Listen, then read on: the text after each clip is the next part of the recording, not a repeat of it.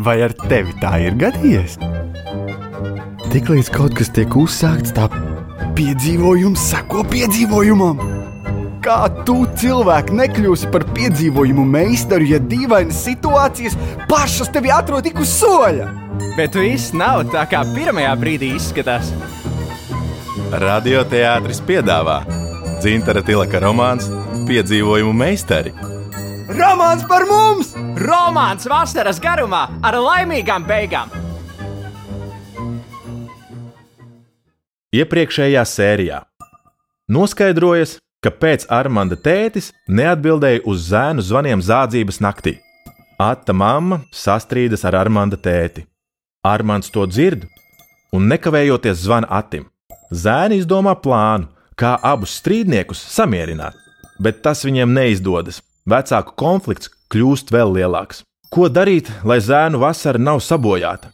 Jāraksta ultimāts un jārīkojas. Septītais no 11 lasījumiem. Uz kurien laidīsim? Parāk tālu nesanāks, ne? Polija, Lietuva. Izbeidz! Un tikai nesaka, ka uz sarkano jūru, lai tu varētu panirt. Aizbrauksim kaut kur mierīgi atpūsties, lai naudas pietiktu ilgākam laikam. Būs jāplāno taupīgi. Pa Latviju? Varbūt šajā pašā pagastā, nu ne? Vispirms atcerēsim vēstuli, tad izdomāsim maršrutu. Bet vēl pirms tam jāsavāc viss vajadzīgais, kamēr mamma prom, lai neko nepamana. Nāc līdzi, paņemsim, saliksim manā mugursomā un noslēpsim darbnīcā. Kad pienāks īstais brīdis, tad paņemsim un pazudīsim. Tev soma ir? Nekas, man ir vēl viena mugursoma. Drēbes kaut kādas rezervē atradīsim, bet pārtiku nopirksim pa ceļam. Lukturīti un nazi vajag. Jā, rete pat ir mūsu divvietīgā telts. Ko vēl? Telefona lādētāji jāpaņem, man ir arī planšete, jānopērk zobu suka. Aiziešu līdz mašīnai, man tur džempers un vasaras jaka, bet tu tikmēr sarunā ar māsām to novērošanu. Nē, vispirms pie manis visu paņemsim un noliksim. Tāda es pie māsām, bet tu līdz mašīnai. Tiksimies atkal darbnīcā un uzrakstīsim savas prasības. Ultimātu! Vakarā pirms došanās prom Helmuts apstaigāja dzirnavu pagalmu, bet nekur neredzēja Armandu. Paņēma telefonu, lai viņam piezvanītu, bet pamanīja, ka pienākusi īziņa. Viņš to atvēra, lasīja, tad apsēdās uz dēļu kaudzes un turpināja lasīt. Pabeidzis nolika telefonu un raudzījās tālumā. Vēlams, puiši, ko jūs darāt?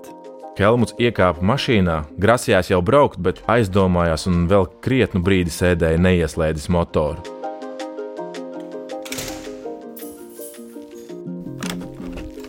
Pārradusies mājās, Laura atvēra dzīvokļa durvis, Atī, tu mājās? Dzirdi? Nu, kas tur šodien bija ar manu mašīnu? Tu kaut ko zini? Ati, Neviens neatbildēja. Viņa ieskatījās istabās, šķita trūks dažu lietu, kas bija atta istabā. Arī mugursoma, kas vienmēr karājās uz vaģa pie grāmatu plaukta, bija pazudusi. Viņa paņēma telefonu un zvanīja. Neviens neatbildēja. Laura atvēra pienākušo īziņu, lasīja, vēlreiz pārlasīja, tad aizgāja līdz virtuvei, apsēdās pie galda un vēlreiz izlasīja un tad pār ata mammas vaigu noritēja asara. Ne tāda kā bēdu, ne tāda kā prieka, bet tāda kā saviņojuma un reizē skumju asara. Viņa jau gribēja kaut ko rakstīt atbildē, bet tad pārdomāja un nolika telefonu, skatīdamās ārā pa virtuves logu. Ultimāts mūsu vecākiem. Mēs, Armāns un Nātis, nevaram saprast, kāpēc starp jums ir radies konflikts. Mēs zinām visu, ko jūs viens otram esat teikuši. Neviens no jums nav sliktāks par otru, bet satiekoties, jūs esat nonākuši līdz mums nesaprotamam naidam. Jūs laikam domājat arī mūs abus tajā iesaistīt, bet mēs nepiekrītam. Mums priekšā ir vasaras brīvlaiks, un mēs negribam to sabojāt jūsu nesaprašanās dēļ. Mēs esam sadraudzējušies, un mums nav problēmu. Bet jūsu problēmas ir jāatrisina. Mēs dodamies projām nelielā ceļojumā, bez jūsu piekrišanas. Šajā laikā jums vajag izlikt mieru. Mūsu ceļojuma ilgums būs atkarīgs no jums. Mēs atgriezīsimies tad, kad būsim pārliecinājušies, ka starp jums vairs nav šo slikto attiecību. To jums vajadzēs parādīt, lai tas ir redzams, jo mēs kontrolēsim situāciju arī no tāluma. Tikai tad, kad zināsim, ka problēmas starp jums ir beigušās, mēs atgriezīsimies. Mums ir nauda, ar kuru iztikt, bet jums vajadzēs sekt visus izdevumus, kas radīsies mūsu ceļojuma laikā, jo tā ir mūsu vienīgā nauda. Policiju iesaistīt nevajag, jo neesam pazuduši. Katru vakaru atsūtīsim īsiņu, lai jūs zinātu, ka ar mums viss ir kārtībā. Zvanīt, rakstīt, mūsu bārta nav nozīmes. Tas neko nemainīs. Visu izmainīt varat tikai jūs paši. Armāns un Atis.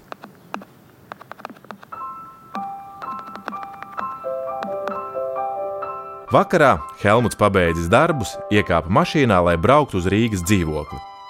Kad vīrietis piebrauca pie krustojuma, garām aizbrauca balts golfs. Gandrīz automātiski arī Helmuts pagrieza stūri pa labi un sekoja. Golfs, kā jau bija paredzams, iegriezās pagalmā pie daudzdzīvokļu nama.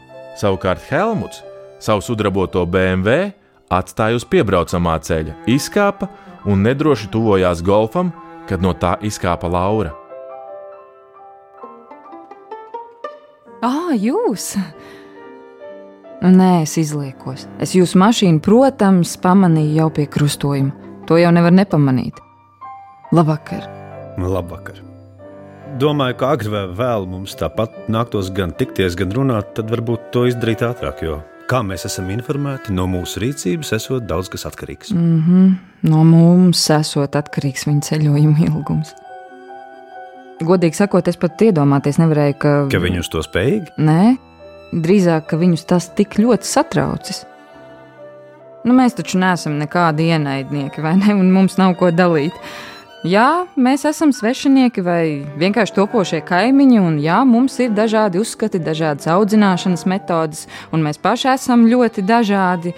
Bet uh, tas, ka puikas draudzējas, man ļoti patīk ir kādas idejas, kur viņi varētu būt? Nav. Domāju, ka tepat kaut kur netālu ierīkojuši štābiņu. Kā gan citādi viņi varētu kontrolēt, izlīkstam mēs mieru vai neizlīkstam? Varbūt tagad lūr no kādas stūra, ko mēs te darām. Un ko tad mēs te darām? Sākam mieru pārunas. Varbūt vajag viņiem piezvanīt, ka nu, tā krīze pārvarēta. Atzīstam, ka pārvarēta? No manas puses ir. Zvanīsim viņiem. Nu, man liekas, ka nevajag gan. Nezinu, kādēļ, bet es īpaši neuztraucos. Tā agrāk nav bijis, un varbūt tāpēc Katis nemaz nav tik mazs, ja nu vienīgi augumā. Bet varbūt tāpēc, ka paļaujos, jo nav jau nekāds razbainieks. Jā, tas jau uzreiz redzams. Ziniet, kā mēs ar viņu iepazināmies? Nestāstīju. Laura, ja nu jums ir laiks, varbūt tās miera izlīkšanas vārdā varam aizbraukt līdz kafejnīcei. Citādi man tiešām sajūta, ka mūs novēro. Un viņus tiešām vēroja divi acu pāri. No tā brīža, kad bija dzirdams, ka piebrauc mašīna, Dviņu māsas pa logu uzmanīja visu, kas notiek pagalmā. Šovakar, ne, nesanāks. Es grēkoju un paņēmu līdzi darbu uz mājām. Bet kā jums ar rītdienu? Rīt? Labi, sazināsimies rīt. Vēl viena nakts piedzīvojumos dēliem nāks par labu, un pārāk liela steiga liksies aizdomīga. Šajā pat vakarā Atim pienāca īziņa. Ledus sakustējies. Abi desmit minūtes sarunājās pagalmā zem logiem. Mierīgi sarunājās, arī iesmējās A un L. Tālu no puišiem, siltā, jaukā kafejnīcā, sēdēja Helmuts. Pēc brīža durvis pavērās, un ienāca Laura. Viņa salocīja lietus sargu, sasveicinājās un apsēdās. Es ļoti ceru, ka viņi nav lietu, jo nu pat jau gāž kā ar spaiņiem. Es arī par to iedomājos. Ko varam darīt? Mēģinam sazvanīt. Nu, no vienas puses uztraucos, no otras Zvanīt laikam nevajag, tāpat necels. Tas aizskars viņu lepnumu. Ziniet, Helmut, sarežģīti ar tiem vīriešiem. Tad viņi lepni, tad iedomīgi, tad jūtīgi. Kā man justies viņiem visiem pa vidu? Viegli nav. Arī vecākam vīrietim ar jaunāku nav vienkārši. Izskatās, ka Armāns ir vairāk ieslēdzies sevī, vai ne? Tik ļoti neusticas tā ir. Jā, cenšos ar viņu vairāk būt kopā, bet tas neko īpaši nemaina.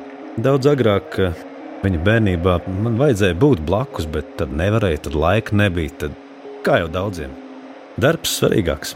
Kad jāatzīst pēc naudas, pēc kaut kāda izdomāta statusa, līdz, eh, Līdz līdz kādu dienu dzīve visu mainīja. Ar mani māte nomira, un mēs palikām divi vieni. ak, dieniņ. Tagad es sapratu, kādēļ jūs visu laiku esat divi. Un ā, tās dzirnavas, kādēļ jums tās vajag? Lai mainītu dzīvi. Vienā dienā izlēma pārdot savu uzņēmumu daļu un pārstāt joņot. Nu, šis varētu būt jauns sākums. Es jaunībā gribēju būt vai nu pavārs, bārmenis, un sapņoju, ka man būs savs krodziņš vai kaut kas tāds. Ar gadiem sapņi apauga ar vērienu, un, un gadījās nopirkt šo eksotisko objektu, kas tagad jau mainīs visus agrākos ieradumus. Jūs paši arī dzīvosiet dzinavās? Blakus. Par atlikušo projektu naudu izbūvēšu to veco mūru ēku, kur tad arī dzīvosim. Netālu no jums, kaimiņiem. Gan arī vienlaikus abiem atskanēja signāli telefonā. Pienāca īsiņa no pušiem. Viss kārtībā. Pēduši, nakšņojam. Helmut, ja godīgi, es kaut kā neticu šai ziņai, ka viss ir labi. Pārāk īsa, aprauta. Vai tik viņi nav kaut kur laukā lietu? Darīsim tam visam galu. Es arī gribu, lai zēna atgriežas. Rīt pat mums kaut kur jāparādās kopā. Nu, lai redz, ja nu redz, nu, ja mūs novēro. Diez vai pie dzirnavām klajā laukā. Bet, eh, ja neredz, tad jāuzraksta. Jā, rīt pēcpusdienā tiekamies pagalmā, varēsiet. Protams, būšu.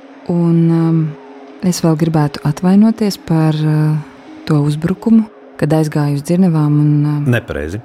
Man bija jāatvainojas. Jo sarunāju kaut ko par greizsirdību un aprobežotību, un vispār sanāca, kā sanāca.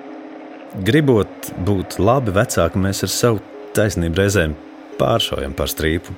Vismaz man tā gadās. Tāpēc sliktos vārdus ņemu atpakaļ un atvainojos.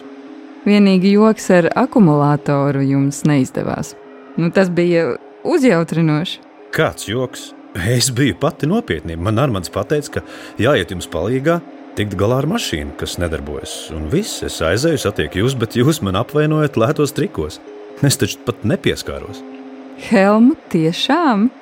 Tā tad akumulātora atvienošana nebija jūsu darbs. Es zvēru pēc dzirnavām, nu ne pirkstu nepiedūru. Tagad man viss ir skaidrs. Tie bija viņi. Manējais droši vien uzdarbojās pie akumulātora, bet jūsējais tikmēr pasauca jūs kā glābēju.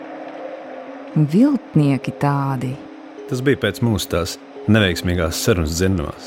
Viņi laikam gribēja glābt situāciju. Domāju, ka pie mašīnas problēmām aizmirsīsies strīds, bet notika otrādi. Jā, un es kā tāda fūrija uzkliedzu un apvainojos vēl vairāk. Nabadzīņi. Un to redzēdami viņi saprata, ka ir jārīkojas. Zēni, zēni, zēni.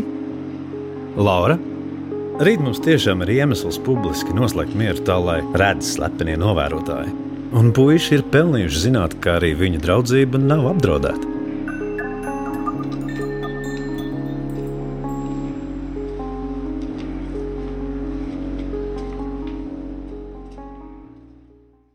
Izskanēja dzintara Tilaka romāna Piedzīvojumu meistari septītais lasījums. Tajā satikās un lomas ierunāja Attis, Agris Krapivņickis, Armands, Toms Veličko, Armanda tētis, Girts Alsters, Atta mamma, Inga Tropa. Piedzīvojumiem līdzi sekoja režisors Juris Jonelis, skaņu režisors Ivo Tauriņš un es Mārtiņš Počs. Radio lasījumu veidoja Laima Matuzāle, producente Māra Eglīte. Latvijas radioteātris 2020. gads.